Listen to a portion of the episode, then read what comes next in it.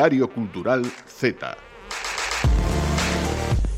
Aquí comeza o Diario Cultural Z, ese programa no que falamos da vida, do divino e do humano a través dos libros, das pelis e da música que nos gusta e da que non nos gusta, que criticar é de balde e gustanos moito. Aquí Lucía Junquera, acompañada como sempre da xente máis talentosa de Radio Galega. Sí. Sí, punto. Celia Riande, Anxa Bariñas e Silvia López. Hola. Hola. Hola. Oxe programa vai de poesía por unha banda e de mentiras. De mentiras Menuda cortas. presentación. Chan, chan, chan. Celia Riande. Buenos días. Película. Imos falar de Madres Paralelas. Moita mentira aí, eh? Moita mentira, eh... Desta que se fai bola. Enganada, enganada fun eu a vera. eh... no, xa vos fago un spoiler, non me gustou. Non me gustou a peli, pero vou ser un pouco benevolente. xa veremos. eh, onde esperamos que non haxa ninguna mentira é eh, no cuestionario Z de Anxo. Esperamos que, que, que non. Eu creo que Jaipau, que a nosa convidada de hoxe vai ser moi sincera, sobre todo tendo en conta as bonitas palabras que lle dedicou no anterior cuestionario Pauliña eu creo que vai sair un cuestionario maravilloso, precioso, fanático. Tampouco avances moito, non vai a ser que logo saia mal Xa, e nos sí. aquí deixando fantásticamente, sí, pero sempre sai ben. Eu confío. Moi ben. Onde si hai mentiras, eh, na, na sección de Silvia. É que sempre ven cos seus refráns eh, non sei que de mentiras, de que a verdade que non vale para nada, que hai que hai que mentir. Pero se é todo o contrario, se hoxe vimos aquí mm, facer apoloxía da verdade, porque a verdade é dura, pero moi desenganada. Así que vou tratar de convencervos disso. moi ben. Dicía que tamén celebramos o Día da Poesía, a Semana da Poesía, celebramos a entrada da primavera, tamén con Tamara Andrés coa súa colaboración, e para pechar eh, a colaboración de, de Ana Abad nas artes escénicas. Comezamos.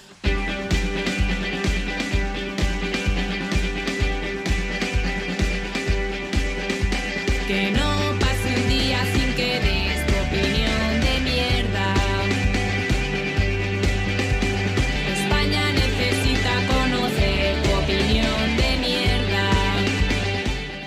En marzo, os días énchense de luz. Cambiamos a hora para escapar da escuridade do inverno, da fame, do frío. Celebramos o comezo da primavera co Día da Poesía.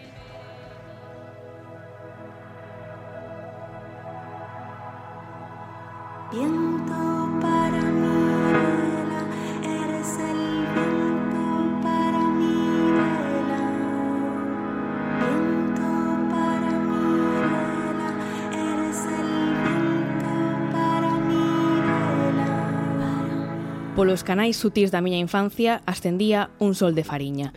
E aínda non sabía que a poesía ten ollos como o pan, esas burbullas de dióxido de carbono que conteñen os segredos do universo e calman a fame, e ven máis aló do invisible. Escribe Olga Novo, no que probablemente sexa o mellor poemario que lín na miña vida, Felicidade, que a poesía alimenta como o pan.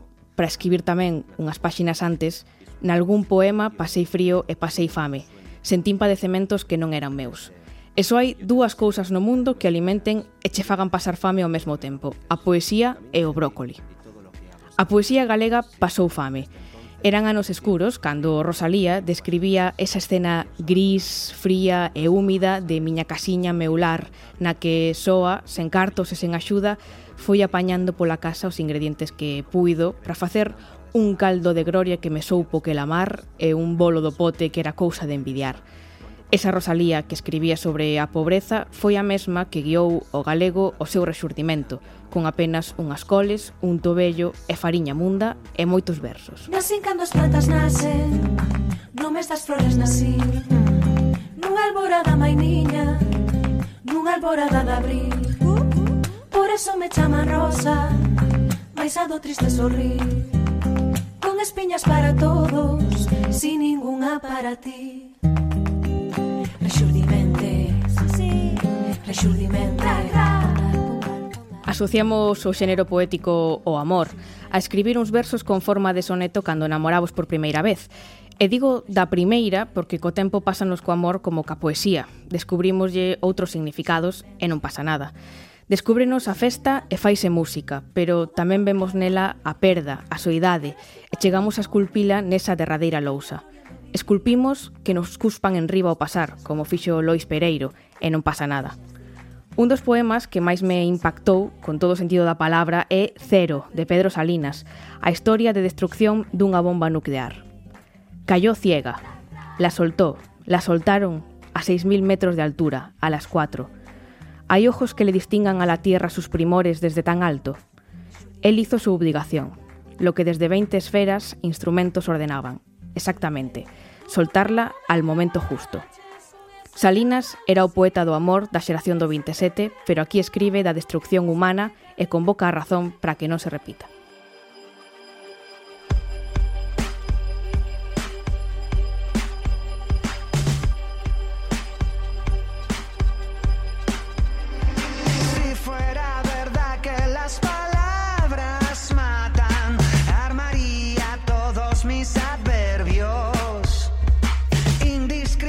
Que tempos son estes nos que escribir un poema de amor é case un crime, porque contén tanto silencio sobre tantos horrores. Aínda que sempre volvemos ao amor, non hai remedio para iso. A poesía é moitas cousas, o amor e a violencia, como a nos mesmos. Ten esa capacidade de describir o planeta Terra con precisión o tempo que eleva a linguaxe a un Olimpo. A poesía é ese galo que nos esperta berros pola mañá, o que non podemos facer calar con un botón que nos peteira na conciencia. E non todos somos poetas, pero sí todos temos a capacidade da emoción. Di Lorenz Ferlinghetti que a poesía é a distancia máis curta entre dous humanos. Por iso eu, que son da Baña, leo a Olga Novo, que é da Pobra do Brollón, e dous versos máis tarde son unha radical defensora da mellor provincia, sen ser eu nada diso.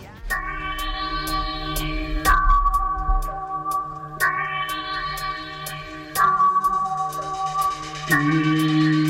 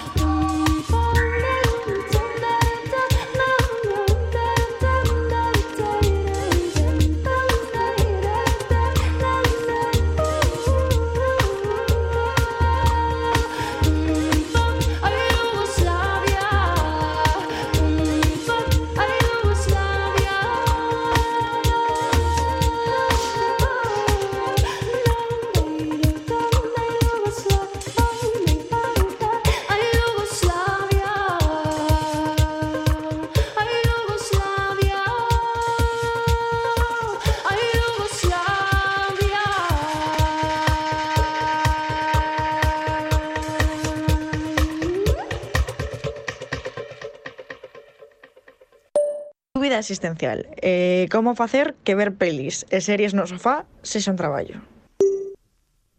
Tres persoas, agora mesmo neste estudio do Diario Cultural Z, tres persoas que viron a película de hoxe, porque normalmente ven aquí Celia falar das súas películas e ninguén sabe o que di, pero hoxe sí. Hoxe sí. Vimos a película. Sí. E estamos eh, dous a un.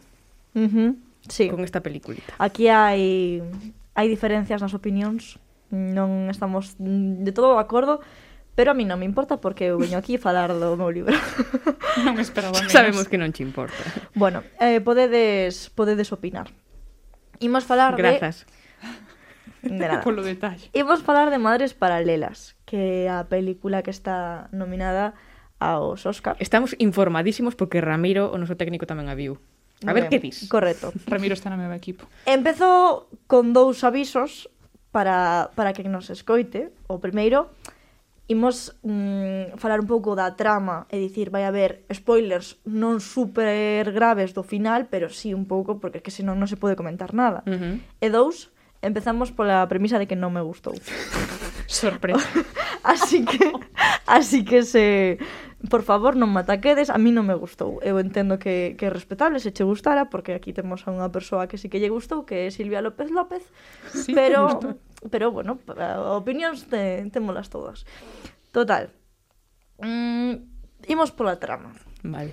A nosa protagonista é Yanis, que é unha muller que vive en Madrid e que traballa como fotógrafa. Aquí xa empezamos mal, é dicir. Os fotógrafos sabemos, especialmente as fotógrafas, como doita pasar con todo, que son bastante precarias. A tía ten un pisazo que flipas. E non traballa nada. Como mantén ese piso? Non o sei. Fai bodegóns de tecnoloxía, de que fai? No, de, de, de moda. Hmm. Coñece un arqueólogo ao que lle fai unha sesión sexy, non entendo moi ben por qué, chamado Arturo, que, mm, pues, como de Que non é sexy. A sesión era sexy. Bueno. Non, é este tipo de cousas que fan como os autores para poñer na, na capa era do libro. Arqueólogo. Os me dirá, eh, pero que me diredes a quen lle fai unha sesión a un arqueólogo. Non me, non me interrompas para isto. Vale. como de costume, o personaxe de Arturo é un home moi pouco carismático. eh, co, que, co que ten unha relación. Como de costume. Niso estou de acordo. sí. De algún punto desta relación, Janis queda embarazada. E aquí empezamos. Era algo que xa se intuíamos ver, polo nome, non? Paralelos. Vale. El está casado. Non quere telo. ¿Mm? Ela si quere telo. Aquí temos un conflito que eh, é bastante común e ela decide telo pola súa conta. Ata aquí todo correcto. Uh -huh. Ben, facemos un salto temporal xa ao momento do parto. No hospital coincide cunha chiquite chamada Ana, que é unha adolescente que está embarazada. Xa como está embarazada, logo imos a eso. No, vou agora. Ana... Para que esperar máis, mi Ana, algo que non nos aclararon ao principio, é vítima dunha violación. Concretamente dunha violación por varias persoas e non sabe quen é o pai. Este é un tema que tocan así, cunhas pinciñas, e logo xa cho deixan aí, sin máis, non lle dan demasiada importancia, a min pareceme bastante heavy. Que a tía mm, non estea contenta con ese embarazo, pois bastante comprensible. A tía está no hospital que vai parir mm, pasando fatal, que por certo, unha cousa vos vou a decir, eu entendo que Penélope quere sair guapa nas películas, pero como de crible que a outra tía está co pelo sucio, suando, sufrindo cun parto evidentemente sen maquillaxe e Penélope está recén saída da perruquería cunha maquillaxe profesional, o sea, a ver, por favor, eh. Bueno, a cuestión. Eh, dan a luz. Teñen dúas nenas fermosísimas que van a observación e, e logo van a casa con elas. Aí teñen feeling entre elas, dan seus números, porque son as dúas nais solteiras. Moi ben, perfecto con isto. Volven a casa. Janis decide ensinarlle o a nena a Arturo, que é o pai biolóxico. Aquí xa empezamos en terreo, en terreo chungo, porque el di, no, no, no, Janis, esta non é a miña filla. E Janis, pero que dis? el, no, no, eu non a recoñezo, non a recoñezo, fíxate. É que é arqueólogo. Pero, pero ti crees Pero ti crees que ese home sabe se esa é a súa filla ou non? É arqueólogo. É que ten que ver, se ainda eh... fose... Que sabe, é como un detective de... É igual. Bueno. que vas a recoñecer, meu rei? Eh, comeza a dubidar Janis se a nena é súa... A ver, vou dar aquí unha concesión. A nena é moi morena. moi morena o sea, étnicamente xa Pero que o pai de Janis era sí, sí, sí. mexicano sí, algo diso. Sí. sí. Ela comeza a dubidar. Mm, non sei por que, non sei se dubidaría, pero ela fai no. Total, fai uns test, resulta que non é ela nai. Queda aí porque di, eh, problema do futuro. xa, xa o resolveremos nuns meses ou algo. Total. A todo isto, eh, retomou o contacto con a rapaza que estaba embarazada que coñeceu no hospital porque a súa filla morreu de morte súbita. Estalo pasando mal, ela ofrécelle pois traballar na súa casa. Aquí é un pouco mm, previsible o que vai acontecer Pois, efectivamente, a outra era nai biolóxica, intercambiaronas no hospital... Ben, que pasa?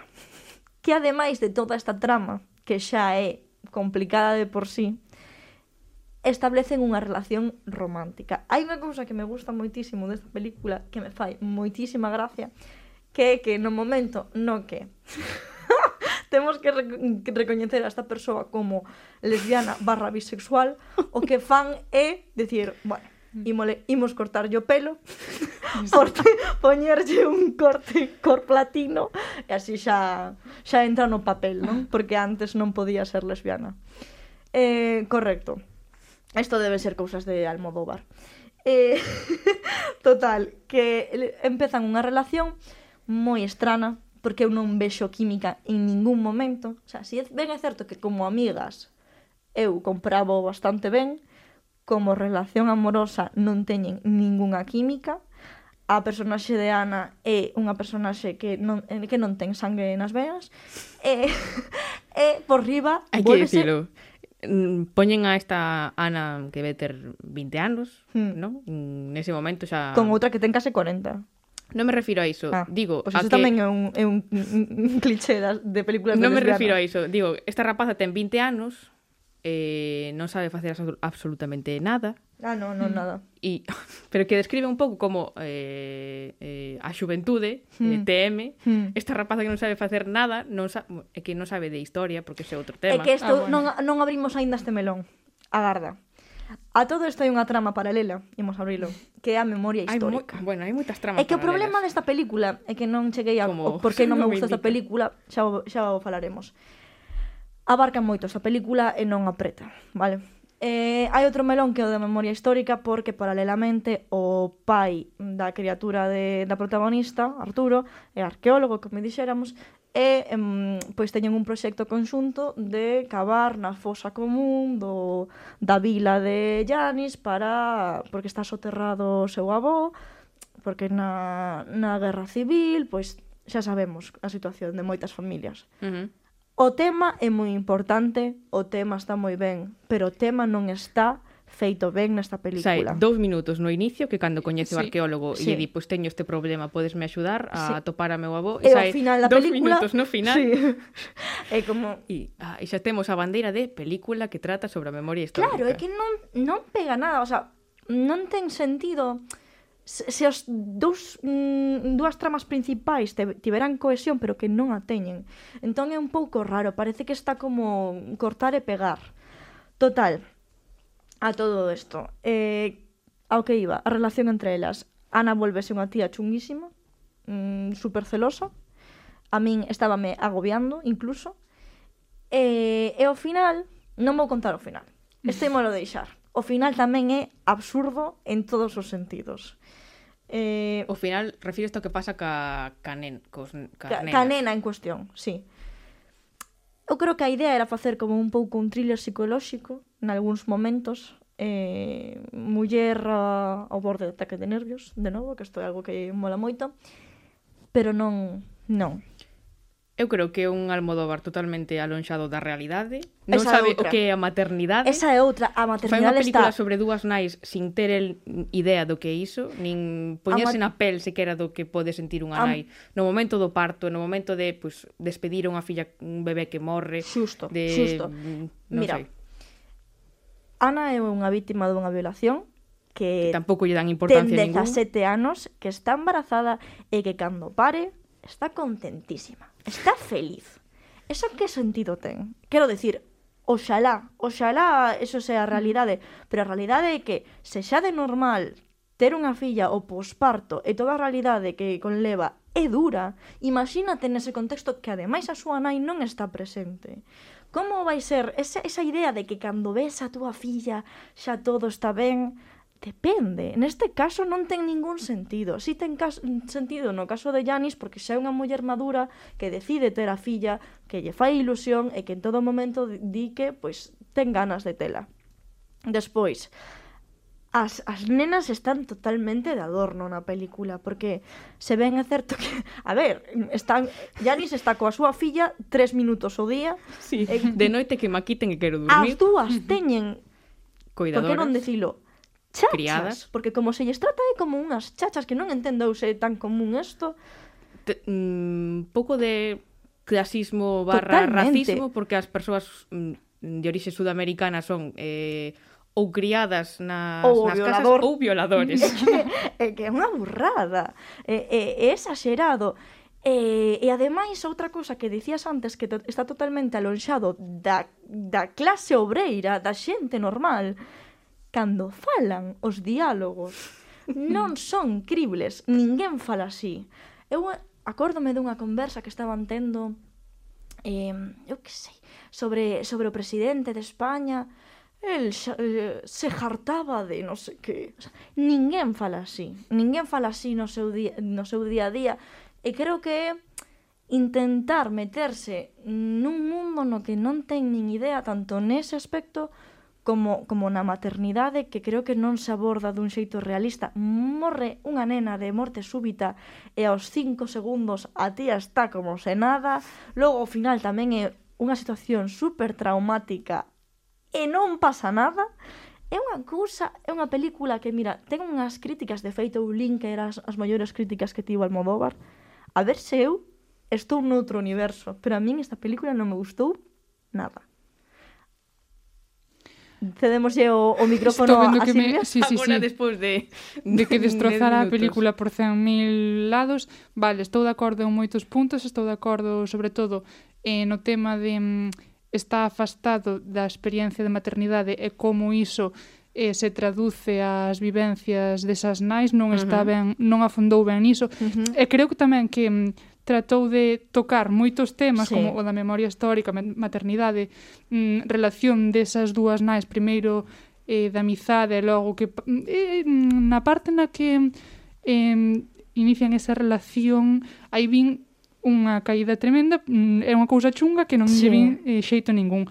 Aí sí, moitos tópicos, pero eu a verdade é que saín do cine cando fun vela con sensación boa, quero dicir, pode que logo nunha segunda reflexión mm, vai habendo pois estes mm, tropezos que tivo, uh -huh. pero a sensación foi de mm, película que mm, moi entretida, eh? Entretida, sí, sí, sí, sí, sí. sí. eso ninguén o quita, eh. Mm. E logo como película que mm, toca a intimidade. E iso é un tipo de película que a mí me gusta, eh, que me fai sair do cine con sensación guai. Entón, ata ese punto, ben, é moi almodovari almodovariana, dixeno ben. entón, bueno, eh, hai que entrar sabendo iso. Mm, sí. Que vas a esperar? Non non o vexo tampouco moi afastada de outras películas de Almodóvar. Eu non son superfan de Almodóvar, pero sí que é certo que que esta intenta tocar uns temas moi complexos que igual... Claro, é que ele é moi esteticista mm. sí. Mm. e o mellor eh, tanta obsesión pola, pola estética porque sexa unha película mm, bonita con estes temas concretos sí. pois pues, afástanos un pouco da, da que, do que é a historia. Uh -huh. Pero... Pero a todo isto é, é entretida, eh? O sea, tampouco eu non sufrín vendo a... Isto xa é unha reflexión posterior. Está en Netflix, en... Iba a decir en aberto, non é aberto, hai que pagar Netflix, pero... Pero sí. Para que na queira ver. Grazas, supoño. Un placer. Diario Cultural Z. Cumbia.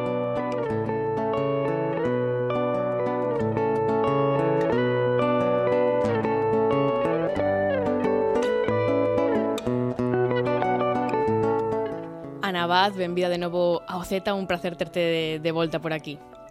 Hola Lucía, que tal? Grazas.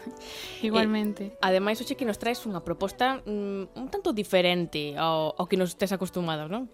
Pois sí, hoxe en vez de pois, achegarnos a unha artista, a unha compañía pois, para fondar no seu traballo, imos ir a, achegarnos a unha proposta de programación. En uh -huh. concreto, o Teatro Gorrilla, que é unha proposta de programación de artes escénicas nos bares da zona de Churruca, en Vigo, que nacera xa en 2019 pero que ven de reactivarse con novos pulos logo dunha parada de dous anos por mor da pandemia. E o actor Sergio Yauger, que é o programador deste Teatro Gorrilla, contanos como naceu esta iniciativa. Pois o Teatro Gorrilla nace en 2019 eh, nunha viaxe a Londres eh, na que perdimos o avión de volta e eh, eh, barallando pois de morros enfadados decíamos como podemos recuperar a pasta e surdiu a idea con Sara Pelucart, que, que é unha persoa que, que monta moitas cousas en Vigo, de programar teatro. E nesta, nesta idea tola, eh, sumase despois Laura Marchán, facendo os cartéis, elevando as redes, etc. Facendo logo, toda a parte visual. E sobre tamén porque consideramos que Vigo é unha cidade con, con moitas cousas, pero que que son moi inalcanzables. Entón dixemos, a xente non vai ao teatro en Vigo, eh, non sabemos por qué, pero vai a concertos en Churruca, eh. E vai a concertos de jazz, vai a concertos de doom metal, vai a concertos de, de música experimental. Por que non vai ir ao teatro nos bares? Non é que é que o Teatro Bar eh, teña propostas contemporáneas a parte de, da stand-up comedy e do, de, dos shows de impro non? o Teatro Bar que é máis, máis popular agora e queríamos meter danza contemporánea queríamos meter eh, melodrama queríamos meter clown e bufón non? Eh, e surde un pouco con esa idea. E a verdade é que, que sí, non? Que moitos grandes proxectos xorden dunha anécdota, sí. eh, como neste caso pois, pues, o Teatro Corrilla dunha, dunha viaxe, non dunha, dun billete de, de avión que se perdeu, non? E, e para recuperar os cartos. E subémolo moito eh, logo... no, no Z, que saen así as ideas pois, pues, de, de donde menos o, o esperas. Sí, sí, sí, sí. E o interesante é que despois, non? Pois pues van medrando, van desenvolvéndose e... e e van tendo pois eh, todo un sentido detrás, non? Uh -huh. eh, neste caso, de feito, a proposta foi contando cada vez con máis espazos asociados dentro do, da zona de Churruca e foi abranguendo cada vez máis tipos de propostas, nesa vontade de abrir as artes escénicas a todo o mundo, dende unha perspectiva ampla e diversa. O Teatro Gorrilla, na primeira etapa, contábamos co apoio de Pelucart, eh, como, como cos patrocinios, etcétera, E, por suposto, coa Casa de Arriba que, que é a nosa casa dende 2019 que comezamos con isto. Ademais de, de pelucarte da Casa de Arriba, os en día xa contamos, pois despois do festival que tivemos como inicio desta nova etapa, eh, a Asociación de Hosteleiros de Churruca, como pois, eh, o Candela, eh, a Sala Kominsky, eh, o Mongo Blues, eh, a Casa de Arriba, eh, o Tinta Negra, e acolle todo tipo de propostas escénicas. Intentamos que as propostas pois sexan cousas que non, non se suelen ver en bares. Eh, iso que decía antes, non? Bufón contemporáneo, eh, danza contemporánea, performance, eh, poesía... Pero realmente tamén queremos que sexa un lugar de experimentación, un lugar onde probar. Normalmente son pezas cortas de dúas ou tres personas máximo, e entrada inversa, porque queremos que todo o mundo teña acceso ao teatro, pero sempre recomendamos un mínimo de 3 euros para que os artistas podan podan cobrar, que tamén iso é, é moi importante, e queremos que cobren, é unha das máximas do Teatro Gorrilla, que queremos que os artistas cobren polo seu traballo. Eh, logo, Lucía, Sergio, contanos tamén uh -huh. que tal funciona o formato tanto de este pequeno formato, non, o feito de que se saen nos bares, e o feito de que a entrada, como nos comentaba, pois se pague logo de ver a peza e que cada persoa poida decidir o que quere pagar, que non é pois o, o xeito máis no, no. máis habitual, non? Hai que ser amable eh... tamén para, para, mm, digamos, pagar ben uh, o que estás vendo, non? Sí, sí, sí, sí. E, e fálanos tamén sobre a recepción que ten esta, esta iniciativa tanto por parte do público como por parte das artistas, das artistas participantes. A recepción por parte dos espectadores e espectadoras a verdade é que sempre foi moi ben. Como que que a zona de Churruca, non, o público que ten ese barrio, está moi moi famento de destas de destas pezas, non destas destas propostas. A entrada inversa funciona maravillosamente porque aínda que ti podes pagar o que queiras, cando a proposta é boa, eh, emocionate, tócate aí na patata, pois pois ao final soltas as veces máis cartos dos que farías cunha entrada de 5 euros ou de 3 euros e ao mesmo tempo fai que todo o mundo teña o alcance de, de poder ir ao teatro, non? Que non sexa unha entrada no García Barbón de 15, 20 euros e ese, ese día só podes soltar dous, pois soltas dous euros. Eh, Esta, a verdade é que a recepción é moi boa. E os artistas están encantados. Temos artistas que din que os mellores os bolos mellores pagados os, os teñen por nós. E cando un día pois hai mala sorte, non hai público, chove ou que sexa, pois saben que, que van ter unha segunda oportunidade e que sempre teñen as portas abertas do Gorrilla e sempre se saen contentos, a verdade. Eu creo, eu creo non, non sei agora se, se un artista ten queixa, pero a verdade é que saen moi contentos. E a recepción das propostas, pois, o que dicías, sempre foron positivas, nunca nunca escoitei unha, unha mala crítica do Gorrilla E esta nova etapa do Teatro Gorrilla, logo destes dous anos de pausa por mor da situación sanitaria, arrancou xa o 19 de febreiro cunha edición especial en formato festival, tiña moitas ganas non de, de retomar non e de volver a claro. ser un xeito potente non e de, de facelo con forza non? E este, esta edición especial pues acolleu diferentes propostas de danza, de narración oral, eh, tamén de teatro, por suposto, ao longo de todo o día en cinco espazos diferentes, que eran aqueles dos que nos falaba Sergio antes, a Sala Kominsky, o Tinta Negra, de Monk Pub, a Cantina Candela e a Casa de Arriba, uh -huh e, e o Gorrilla, pois Lucía volveu para quedar eh, retomándose esa programación regular o sábado pasado, o día 12 de marzo, coa actuación da bailarina Raquel Ferradas na Casa de Arriba, en sesión Bermú, ademais así para que sean unha hora, non, pois, que a xente Sí, sí, eh, e fan moitas mm, nesa sesión Bermú, non, pois para que pois eh, a xente poida ir e que sexa un horario así pois uh -huh. pois distendido, non, un plan para para as mañás do, dos sábados, non? Así, cara ao mediodía. E Sergio avísanos, mm, niso que falábamos, non? De que volve para quedar, pois que, que o Gorrilla volve con máis pulo que nunca. Pois esta nova etapa, a verdade é que estamos con moita enerxía, tiñamos moitas ganas de voltar despois de dous anos de parón pola pandemia. E agora, pois, somos máis vellos, máis vellas e máis sabias tamén nesta nova etapa Eh, xa non contamos con Sara Pelucart, porque agora vive en Berlín, en mando un bico dende aquí. E eh, agora contamos con, con Eva Comesaña, eh, como socia somos Laura Marchán, eu e Eva Comesaña. Eva é unha rapaza que estaba en 85C, que ten montado moitos festivais e ten moita experiencia. E a verdade é que co festival, cos contactos que fixemos estes anos coa Asociación dos Teleiros de Churruca, eh, poder ver que o Gorrilla xa non é só na casa de arriba, ainda que é o seu núcleo eh, e que abre a xente lle abre as portas, pois é un gustazo. E as propostas que veñen por diante pois van a ser máis de teatro sexual, de clown, eh, variete, se o que temos por agora pensado. E con esa vontade dedicase unha ampla variedade de traballos, aínda que xa teñen algunhas pezas para as vindiras entregas do Teatro Gorrilla, uh -huh. que por agora xa podemos tamén dicir non que vai continuar abrindo o pano nos bares de Churruca unha vez ao mes. Esta próxima programación está aberta tamén a acoller novos traballos. Eh, Sergio convida dende aquí, dende o Z, que, que Lucía serve así como un pouco de... Sí. Moitas veces de alto falante, non? Pois para, para, para este tipo de iniciativas, non?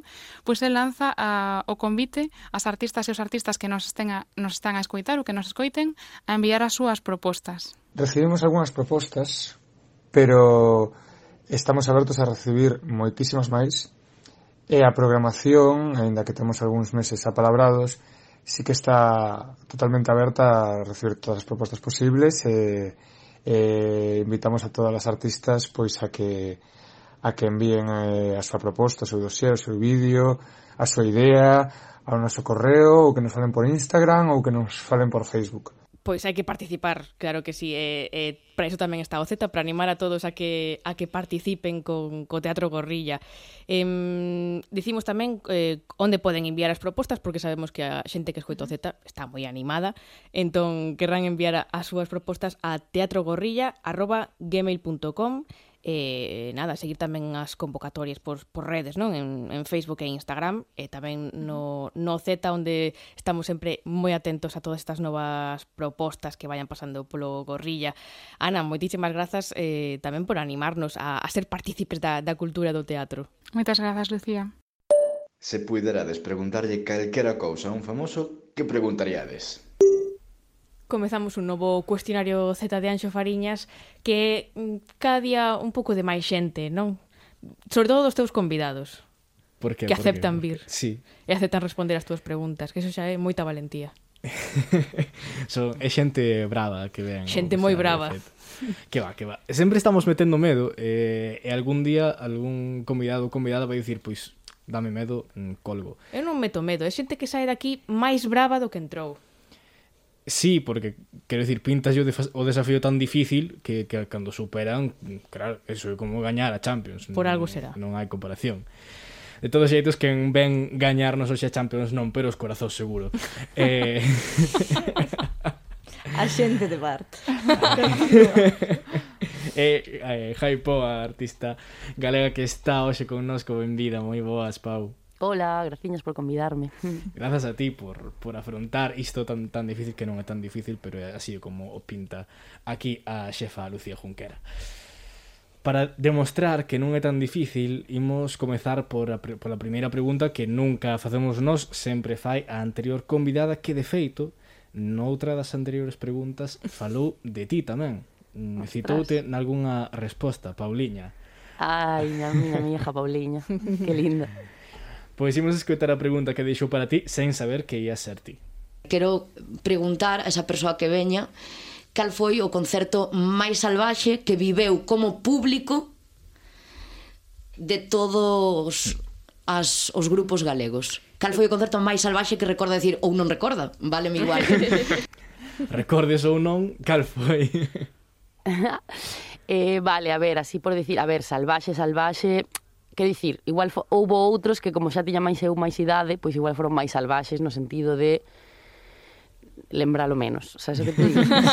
pero, sí. pero, jova, non me lembro cantos anos tiña eu, pero cando viñeron Public Enemy ao Marisquiño a, a Castrelos, que tamén tocaron de teloneros Licor Café, non? E estaba Oiza e Sheila Esencia e, buah, peña que eu admiraba moitísimo. E a verdade é que eu flipei. O sea, esto, fa, para min foi co, mítico rollo que me facían as tripas así un montón de, de movimentos estranos por decir, boa, esta peña, eh, non sei, eh, da miña cidade está aquí en Castrelos petando antes de Public Enemy, burrada, sabes? Mm. Sí, sí, sí. O certo que, non sei, supoño que será moi, moi impactante. Sí. De todos xeitos, eh, esta pregunta de, de Pauliña foi bastante menos persoal, eu creo que foi a pregunta menos persoal que se, que se lanzou. En todos foi moi light. Non, se quixo moi, sí. moi... non te quixo poñer nun apreto, non lle dixemos que, que viñas ti, pero debeu ter un sexto sentido mm. e decidiu non poñerte en ningún apreto. Nah, xa no privado xa, xa me pon no, xa, xa falamos as cousas crudas. De todos xeitos, sempre pedimos que, que os convidados se presenten, pero mm, alabándose, loubándose a sí mesmos. Así que contanos, Pau, cal é o teu trazo máis sexy? Ah, pois, a miña voz, como podes comprar, a miñas flemas super sexys. Eh, eh, pois nada, sí, nada, eu son Jai Pau, son de Vigo, e o meu trazo máis, máis sexy, eu diría que é cando eh, cando axito o pelo e cando me desmeleno. Mira ti. Ah, mira. Leona. e, e para desmelenarte e lucir ese pelo, em, se tiveses que levar a unha persoa a unha primeira cita para impresionala e para lucir, onde sería esa primeira cita?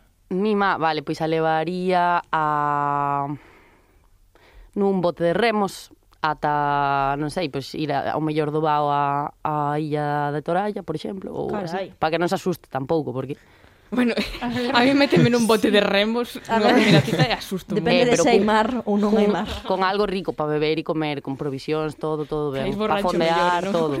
A ver, así un picnic no mar... Unha cousa mellora. Sí, sí, sí, quero dicir, eu xa estaría pedindo segunda. no. em, Imos profundar entón xa no, no que é o oficio da música. Cales dirías ti que son os tres imprescindibles no, no starter kit dun artista galega? Eh, pero a que te refires? Que son tres imprescindibles? Pois é que aquí hai ah, vale, aquí está aberto, está aberto, ¿no? Claro, sí, sí, sí. Obxectos físicos ou ou non. Eh... Vale. Ou sentimentos, Aptitudes. sí, sí. Claro, tamén depende un pouco do contexto desa persoa, non? Um, Os teus persoais, os que dirías os meus, que son vale. os teus tres fundamentais. Os meus, os meus tres fundamentais, ben, eh, a, neste momento o DNI, porque como mosqueta non chego a ningún bolo, xa cho digo. Eh, o DNI é un, eh, o outro é mm, pa min, por exemplo, eh, bueno, as uñas cortas, porque cando tal non podo tocar os instrumentos, eh, ao mellor cando apreto moitos puños, en depende de que entrevista, pois tamén me podo autolesionar, entón mira. uñas Ostras, cortas. esperemos non, non sacar sangue nese sentido tan literal desta entrevista. Eh, no, no, pero dicíades, no, eh, que boa xente, no, pintades como esta cousa como moi trepidante esta entrevista, pero eu teño estado en actos, institu antes de vir, actos institucionais bastante, bastante que dan máis medo que, que isto, sabes, para enfrentarse a iso, pues, para as preguntas das entrevistas. Dá pero moito bueno. máis medo as institucións que isto. Sí, bastante. Entón, bueno, eso, unhas cortas, DNI, eh, agüita, agüita sempre para, para lembrar os concertos selvaxes e non, eh, non ese, ese tipo de cousas. Que bueno, o, pa, o pa día seguinte, sabes? Pa día seguinte do concerto. Tamén, tamén. Mesmo moitas veces remato a 6 da mañá e da igual que beber auga tal, que ao día seguinte a boca está seca. Em, que é o que menos che gusta da, do mundo da música, do ámbito do que tes que facer no teu oficio musical? do que teño que facer. Eh, vale, o que menos me gusta é que moitas veces se colocan min responsabilidades que non que non son miñas. Eh, non, por ser un pouco pois sen máis, por ser unha persoa que está moi visible ou non, ou non moi, pero vamos, visible e que pois hai moita xente que o sea, se xeneran vínculos moi, moi, moitos, non? Todos os días, non? Coñeces peña, non sei que, tal, vas aí, vas tal, trotando, non sei que, E, e bueno, e moitas veces, eh, non sei, se colocan responsabilidades en min que eu non teño. O sea, como que ás veces se esquece un pouco que eu sou unha persoa tamén, non? E pois eso non me gusta nada. Hmm. Como refiriste a que, a que te obrigan un pouco, ou bueno, tentan eh, facer como se, se tiveses que ser modelo de moitas cousas. Ou... Sí, non só para o bo, tamén para o malo, non? Senón, o sea, por, por pois eso, como pois reproches ou o que for, sí, tampouco, tampouco exemplo, non son na parte boa de ser exemplo e reprocharme en non ser, eh, pero as expectativas tamén para, para ben cando non se cumplen, en plan, eu que sei, eu que sei, eso, pois que eu sou unha persoa e punto, e, de, e sí, así. Totalmente. Eh, e falando de, de persoas, de persoas dentro do ámbito da, da música, moita xente, todo o mundo ten referentes, pero tamén hai antirreferentes persoas nas que baixo ningún concepto te queres converter. Uh -huh. Quen é o teu maior antirreferente? Mi má, chaval. pero da Galiza? Ou da igual? A ver, eh, canto máis té mellor, pero se si prefires eh, abstraer un pouco, levantar o foco, tampouco pasa nada. Eh, antirreferentes, vale, pois eu diría que o meu antirreferente podería ser Aitana. Vale. Aitana. Xa saiu aquí, eh? Sí, sí, sí, sí, sí, sí, sí, sí, sí saír Aitana. Pobre Aitana. Miña pobre, a ver, non é nada persoal, non a coñezo de nada, miña pobre. Eh, podes rexeitar isto, pero voucho preguntar. E a nivel galego? eh, pois a nivel galego, ai mi má, non sei, que vou dicir algo me van a crucificar, chaval. é pa, é pa isto todo eso, non? Dicía a verdade. Sí. Eh, sí. Pois a nivel galego diría mi mãe que non, a xente que iba a, a persoa que iba a dicir tamén admiro, sabes? E que é moi heavy isto. Pero bueno, a nivel galego, Rajoy, yo que sé. vale. a verdade que é un artista. Eh, sí, sí, a ver. É, un art... filósofo canto menos. E eh. entrete entretenedor, pero vamos. sí. pois imos pasar o plano anécdotas. Eh, porque xa mm, pero relacionando primeiro Cal dirías ti que é o, to, o maior ridículo que cometiches na tua vida? O maior ridículo que cometín na miña vida. A ver, alén das míticas de chamarlle... Bueno, unha vez lle chamei papá a profe. eh, papá, aparte, que me dis mamá e bueno, pero papá... eh, esa unha... E eh, despois tamén, unha vez, o meu veciño, díxome que, que unha veciña estaba, estaba embarazada, E eu fun un día a pedirlle non sei que cousa, non? Que me pediu a miña nai que lle pedira tal, e fun ali ao seu portal, xa, abriume ela, e lle dixen, noraboa, tal, que xa me dixeron que... Bueno, era unha persoa gorda, non? e me e lle digo, "Noraboa, que me dixeron que estás estás preñada de mí." Ai, no, non no, era ela.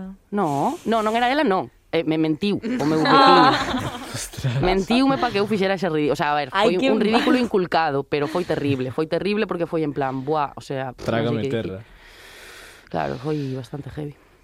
Bueno, pois pues con, con esa experiencia do ridículo, que dirías, mm, que estarías disposta a facer, non sei se profundando máis aínda no, no ridículo, por, eu que sei, un, un contrato, un papel que che asegure que durante os próximos 30 anos vas poder facer o que che pete, pero que vas triunfar e vas te forrar e vas ter todo o que che dé a gana.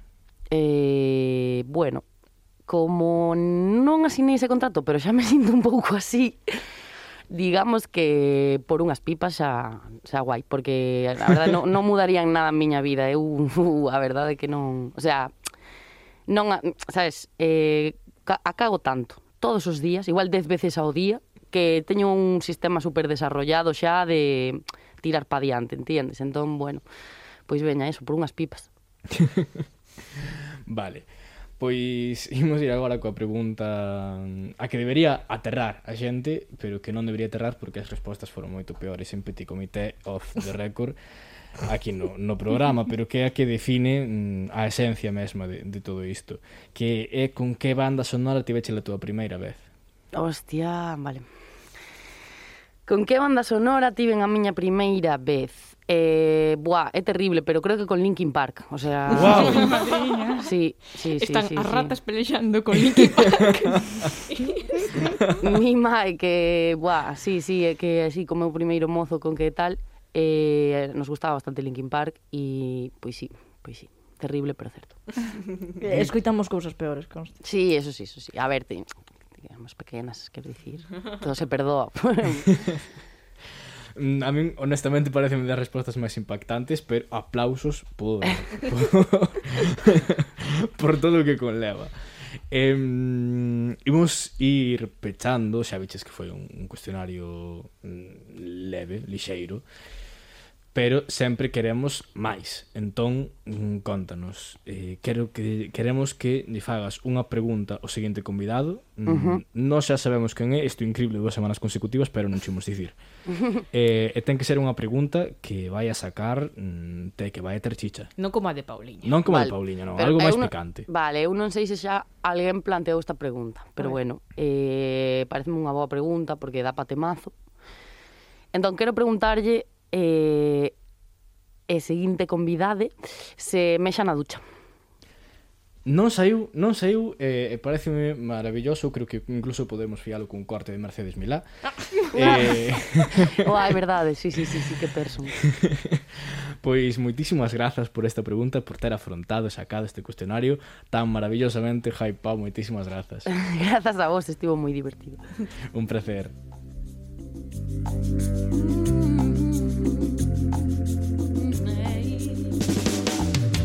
Imos niña a bailar a discoteca. Imos niña hasta que aguanten las pernas. Imos niño a bailar a discoteca. Imos niño hasta que aguanten las pernas. Ponte pello que ti veste tan fermosa por fora e por dentro. Xa temos chejado cos beizos despintados. Corrime el corrido e ter que deitar ao traballo Subes o Michael, saudan inferno Pensando que tal vez sexa mellor estar aí dentro. Imos, meniña, a bailar a discoteca. Imos, meniña, ata que aguanten as pernas Imos, meniño, a bailar a discoteca. Imos, meniño, ata que aguanten as pernas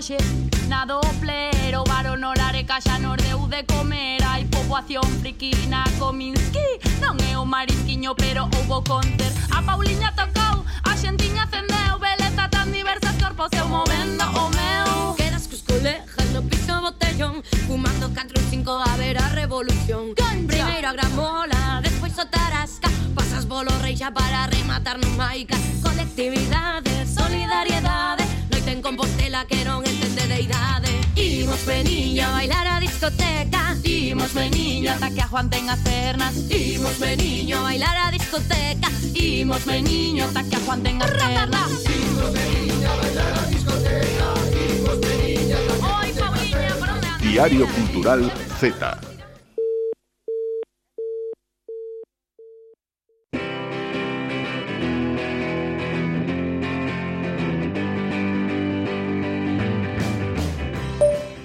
vós que vos credes moi modernos. Iso xa o dicían os vosos avós hai 60 anos. Que conste en acta, que conste en acta, que eu che preguntei cal era o refrán e non mo quixeches dicir. Non cho quixen dicir, Lucía, porque xa se dixo no último programa, porque uh. no último meu dito eh, rematábamos con aquilo de a verdade é dura, pero desenganada. e quedaste vos así un pouco tolas todas. Porque ninguén entendiu iso pois non entendo por qué, porque isto é unha filosofía de vida, é unha cousa básica. De... pois pues, sí, é un refrán que fai referencia a algo que nos pasou a todos nalgún momento da vida, que as verdades verdades doen, vale, pero que as mentiras matan, así que mellor será sempre é preferible saber a verdade e non vivir na inopia e na ignorancia máis profunda. Así que, que aristotélica se pon ás veces, Silvia. Sí, sí, eu, que ten que ver iso ca verdura? Non sei. A verdura aquí ora non saliu. Pero acabas de decir. Non, non, a verdade dura pero moi desenganada a verdura xa foi un desvarío do outro día, porque xa, bueno, sabemos como é, non? A verdade dura, pero máis dura é unha verdura. Bueno, a verdade cañote, dura, pero moi desenganada, e iso é algo que está no noso día a día, non o podemos negar, por sorte ou por desgraza, é que, mm, sendo así, serviu de leitmotiv para moitas pelis, series, que teñen trama de amor ou de desamor, na que hai enredos polo medio, e cando digo enredos quero dicir cornos, infidelidades, entón, pois moitas veces aparecen esas reflexións de non ves que é mellor que me digas a verdade, que hai que empezar sempre por aí, sempre pola verdade. Música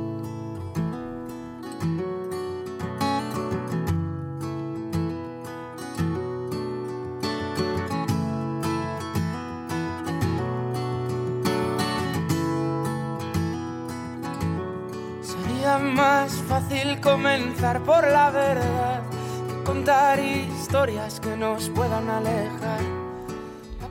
Ese é o inicio dunha canción de Siloé. ¿eh? Puxámonos aquí cos móviles facendo paramentos para un lado para outro, bueno. Está vendo movimentos como se estivésemos vendo todo o mundo. claro, por eso conto. bueno, este inicio desta canción poderíamos gravar e cravar na mente, no corpo para que non se nos esqueza, porque é iso, unha verdade a tempo aforra moitísimos problemas sempre, porque ás veces atrasamos contar a verdade porque nos dá medo, porque somos un pouco cobardes, porque pensamos que é o mellor, pero non, amigas, porque ao final unha verdade non contada ou unha verdade contada a medias é unha mentira, dime, Lucía. Mm é que tiver de, de contar unha mentira. Claro. Dixeches que íbamos estar aquí non sei canto tempo grabando, probablemente eh, votemos máis do que do que dixemos porque hai mentiras piadosas eh, non me Voy a decir 20 minutos para que nos den o estudio e despois se votamos 40 ou 50 a ninguén lle importa se cadra control central doille, eh, poderían aplicar este, este dito. Pero sí, sí, sí, sei que as mentiras a veces ata rompen cachada, as cordas. Cachada, fans en bola, medran. Cachada. E iso xa o cantaba tamén alguén que soou mm, moitísimo ata o infinito nos meus 15, 16 anos.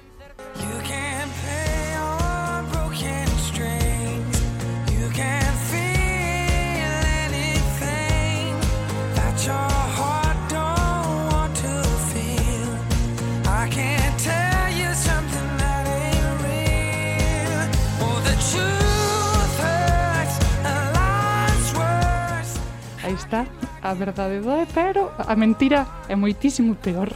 Pero isto non só é aplicable a cuestións románticas, porque tamén é algo moi recorrente nas series, nas pelis, nos libros, cando se quere contar historias de persoas que indagan no seu pasado para descubrir a verdade, para descubrir, descubrir quen son, por que son así, e ás veces quedan líos non resoltos, como é o caso da serie Historias de San Francisco, que está en Netflix, Eh, é unha serie que, aparte de afondar en problemáticas e cuestións eh, relacionadas co, co colectivo LGTBI, co mundo queer, pois tamén narra o que acontece logo da volta dunha das protagonistas, Marianne, eh, o sitio onde mm, marchara 20 anos atrás, ali deixara a súa filla, a súa parella, marchara a outra cidade noutra punta do país para mm, pois para progresar profesionalmente ou iso é o que dixera no seu momento. E cando volve a filla non quere saber absolutamente nada dela para ela non é a súa nai porque non estivo durante todo ese tempo porque non entende porque marchou. E polo medio hai como un segredo familiar e incluso mm, de amizade tamén que pois iso acabará sendo cuestión de debate sobre se contalo ou non. Non só esta protagonista Marianne que xa mencionamos, senón tamén a outra parte implicada que é o pai. Entón, iso non saben se contarlle finalmente 20 anos despois o que pasou realmente ou se non contarlle porque entenden que lle pode facer moitísimo dano a tales alturas do, da vida, pero claro, igual estaba ben contarlle a Xona, que é como se chama a rapaza, para que por fin saiba que pasou daquela, por que ela tivo que vivir a vida que viviu, etcétera. Así que, si, sí, sexan cuestións amorosas, sexan cuestións de pasado familiar ou, ou do que sexa, a verdade, as mentiras e os desenganos son universais, tan universais que xa o dicían os nosos avós neste dito, ou podelles cantar James Morrison como nese Broken Strings, Daddy Yankee ou hasta en xugueiras. Muiñeira montañesa, muiñeira montañesa, nunca vin unha muiñeira tan sincera como esta. La, la, la, la, la, la, la, la, la.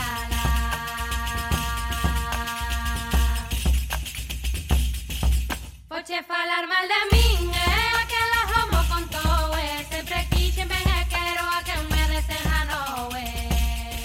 iso sempre, hai que estar moi agradecida sempre a quen nos desengana, a quen nos di a ah. verdade, como que non? Pero cando é unha, pers unha mm, persoa externa ao problema... Xa, xa, aí hai o debate de mm, son unha persoa que debe contar isto, mm. pero, en fin, cando sabes que outra persoa mm, pode pasalo mal, mm, si sí, debes deixarlle ese posto a quen ten a responsabilidade de contalo, pero tampouco te desentendas de todo porque se queres ou aprecias a esa persoa, Sempre coas boas intencións e, por diante. Sempre coas boas intencións por diante, porque é o que estamos contando. Doe, pero desengánanos. Así é todo, hai xente que prefire seguir na inopia. É o caso, por exemplo, de Zetangana e Maverick.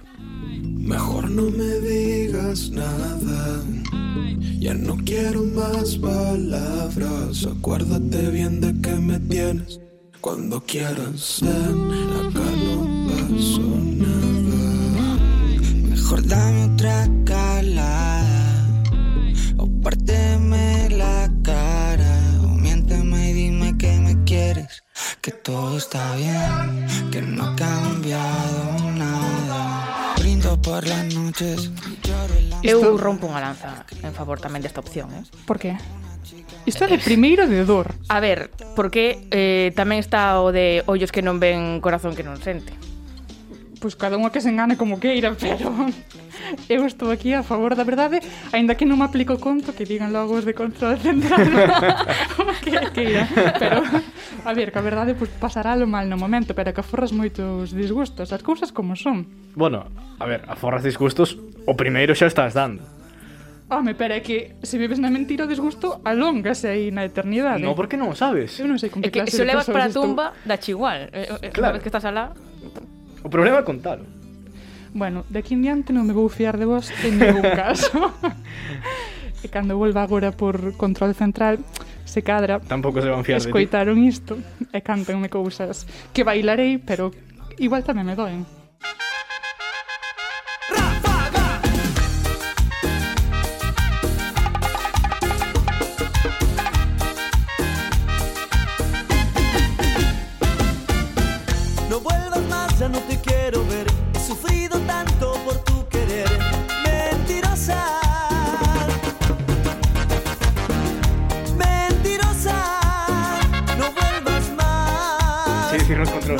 No vuelvas máis. É probable. Verdade é que esta sección Bermú está eh, patrocinada polo Control Central. nos agradecidas. Por suposto. Grazas, Silvia. A vos. Mentirosa.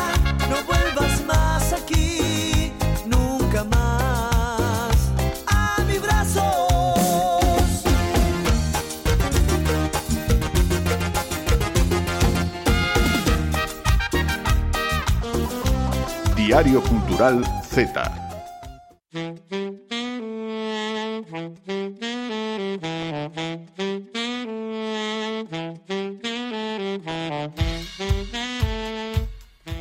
Tempo da literatura neste Diario Cultural Z convidamos a Tamara Andrés que hoxe teño que dicilo veu acompañarnos ao estudio que sempre de agradecer vernos as caras por fin coñecernos porque a xente pensa que o mellor nos coñecemos de toda a vida e non é así, Tamara. E volvemos á presencialidade 100% que ganas, de verdade que si, sí, eu tiña moitas ganas, hoxe estou emocionada tamén. eu, por suposto, estou moi nerviosa, teño que dicir. eu estou nerviosa e emocionada porque imos falar cun prodixo, como sabes, como é Mario Obrero. Mm. Eh, Mario é un rapaz, un poeta moi novo, é do 2003, Lucía, leva publicado xa varios libros, ten varios premios, pero digamos que eh, o seu nome se estendeu por todo o territorio español, non? E a súa poesía, claro, eh, cun poemario que se titula Peach Tree City, é dicir, uh -huh. a cidade dos pexegueiros, e un poemario que acadou o premio Loewe a la creación joven e que foi publicado ano pasado por Visor. Agora imos falar doutro poemario, de Cereza sobre a muerte, publicado en La Bella Varsovia, e que o igual que o propio autor, Lucía, eu creo que o poderíamos definir como un despregar de linguas. Aparecen por aquí un despregar de linguas do Estado español. O éuscaro, uh -huh. o asturiano, o catalán, o castelán, o galego, linguas que fala. Que maravilla. Mario agora nos contará, e é que aquí, ademais, os idiomas, digamos que se tecen como nunha urda, non? É dicir, están en horizontal, non hai xerarquías, eu penso que esta idea xa é moi importante para comezar esta sección hoxe. Uh -huh. eh, mm, un convidado sorprendente que xa así de entrada, teño que dicir que é a primeira vez que temos de convidado alguén que ven da, da biblioteca de ler diccionarios eh, etimolóxicos. Mario, como estás? Benvido ao Diario Cultural Z. Hola, que tal estades? Bos días un perfil sorprendente, Tamara. Eh, sí, Mario, eu quería preguntarche en primeiro lugar polos froitos, porque dos pexegos pasamos as, as cereixas, non? Ah, que ben, xusto a miña boa díxomo, dixo que, que eu quero montar unha froitería máis que máis con a carreira literaria. E quizás sexa, sexa verdade, porque o froito ten moitas connotacións. Xusto nos dicionarios etimolóxicos atoparíamos que froito ven de, de disfrutar, de disfrutar, de gozar. Entón hai hai algo tamén de, de facer presencia, xa que falabades da presencialidade. Eu cando estive na cidade dos Pexebeiros, en Pitcher City, en Xorxa, ao sur dos Estados Unidos, non había ni un só peche, non, non había pexegos. Entón, pois, eu tiven que facelos eh, cas palabras. Cereixa sobre a morte fala dunha árbore, dunha cerdeira, onde non medran as cereixas. Entón, pois, cando as cousas non existen, tes que darlles presencia e eh, un xeito de, de presenciar e facer e crear e, por suposto, a palabra e a poesía. E ti coñeces tamén, Mario, a Kiko Valeiras, a Luz Pichel, sabes que dicir cereixa non é o mesmo que dicir cireixa, verdade?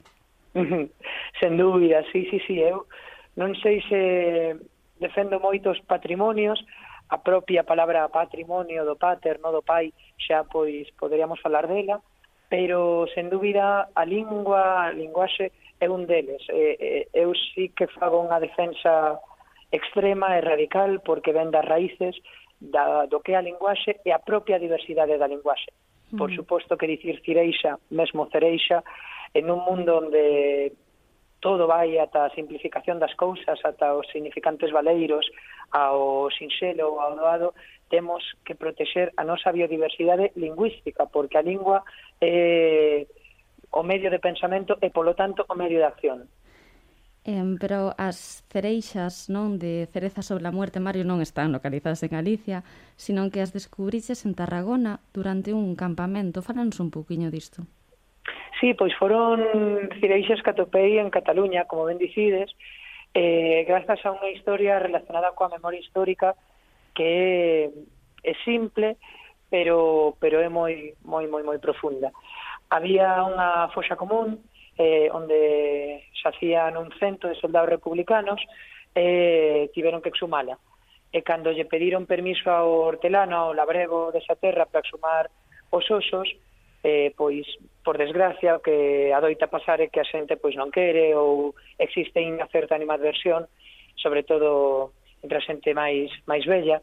E este home, este labrego, dixo que sí, eh, de súpeto. E claro, preguntáronlle, pero, pero tes algunha razón, interesache algo en concreto? Ben, o home dicía que non, que lle daba igual os osos o que pasaba é que el tiña cirdeiras plantadas e as cereixas non poden medrar sobre a morte. E do mesmo xeito non pode medrar a mocidade, a xuventude, a miña xeración, A España do 2022 este Estado non pode medrar sobre máis de 3.000 fosas comuns que temos ou sobre os corpos de tantas desaparecidas e de tanto asasinato silenciado, sobre todo, de tanta morte que ainda está no chan, ainda está nas nosas terras. En Cereza sobre a muerte, Mario, atopamos unha sorte de autopoética, eu percibo así, eh, onde escribes ataña al poeta el encargo de la memoria colectiva en os charcos sucios del tiempo, a su vez, atañe el cuidado y defensa de todo lo pequeño y minorizado. Sí, eh, vos sabedes ben o que isto significa porque sodes galegas e eh, sabedes que olvido tamén é o esquezo. Esquecer non é outra cousa que ex caedere, é caer a ese charco da a ese charco sucio do tempo, non? A ese a ese charco onde mm, existe o naufraxo, naufraxo eh, da ignorancia, da, do esquezo e, e da falta de memoria. Penso que sí, que a memoria en todos os sentidos, en todos os xeitos, a memoria propia, a memoria da lingua, a memoria colectiva, a memoria xeracional, é parte importante do que a poesía conta. Eu non podería dicir que é a poesía, pero sei que a memoria forma parte dela, sin dúbida. Dis que non sabes que é a poesía, pero defendes que a poesía e a defensa do diminuto, e a, a memoria necesaria, mesmo obrigada, non, por parte das poetas, e tamén defendes a poesía como asemblea, Mario. Sí, eh, xusto, gústame que, que falemos de, de obrigacións, porque a poesía tamén é un territorio de liberdade, de, de non facer o estipulado, o que se pensa, o que se eh, forza a facer, pero pero sí que compre, compre ter algunhas obligacións éticas, porque a poesía tamén é un lugar ético no mundo. Entón, dentro desas obrigacións está, por suposto, a da memoria e a da asamblea. Eu non podería pensar os meus versos se non penso en Celso Emilio Ferreiro mesmo, en, en tantas poetas e, e persoas que, que van comigo. O dicía Virginia Woolf que o, o, a, a herdanza da poesía son as nosas autoras, son os nosos autores, son as palabras xa ditas. Olga Novo ten tamén uns versos que din «Nalgún poema pasei frío, pasei fame, sentín padecementos que non eran meus». Pois ben, xusto a Asamblea da Poesía vai de iso, de sentir os padecementos que non son nosos, pero que eh, empatízanse, compréndense dentro dunha reunión que, que comunal eh, en xuntanza. Dicíamos antes que eras un despregar de linguas, Mario, pero es un despregar de referencias e en Cereza sobre a muerte, ademais, tamén hai debuxos teus. Hai debuxos, sí, sí, sí. Eh, que nos remiten a Lorca. Eu penso que ten aí un paralelismo con Lorca, non? Home, eh, se o dicedes vos, a mí, por suposto que gustaría, non? Eh, eh, parece esta Lorca, bueno, non vou dicir que non, claro, é, eh, é eh, un sí, placer. Sí, sí, dicimos, dicimos. Non o sei, a verdade é que cos debuxos son unha expresión tamén na que participa a inocencia, que é moi distinta da ignorancia. O espacio do inocente xa o lembraba Aldo Pellegrini, máis Óscar Wilde e tantas outras, poetas é un espazo valeiro, pero de ollos abertos. E xusto iso interésame, eu non sei pintar, eu non sei debuxar, non fixen técnica, non teño coñecementos, non?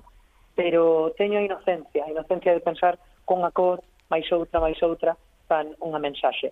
Entón, dende aí, pois, pois fixen estes dibuxos que tamén van acompañados de collage, de fotografías, porque xusto esa idea asamblearia de mesturar, de xuntar cousas, de xuntar poetas, de xuntar, eh, de conectar, de presencialidades, como dicíamos antes, están as fotografías, está o collage, está esa, esa xuntanza.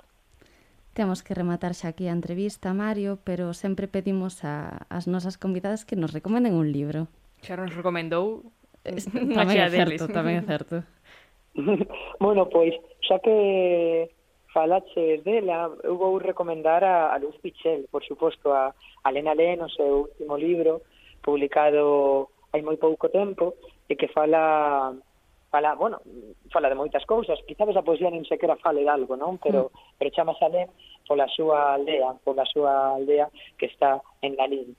Alén, o, mai, o que está máis aló, eh, é xusto tamén do que se encarga a poesía, o dicía a amiga moi querida Guadalupe Grandes, todo lo que non existe é un mapa da outra beira, pois nese mapa da outra beira do que está alén alén contra esa poética de, de Luis Pichel, que é sen dúbida unha compaña e, e unha amiga de, de por vida.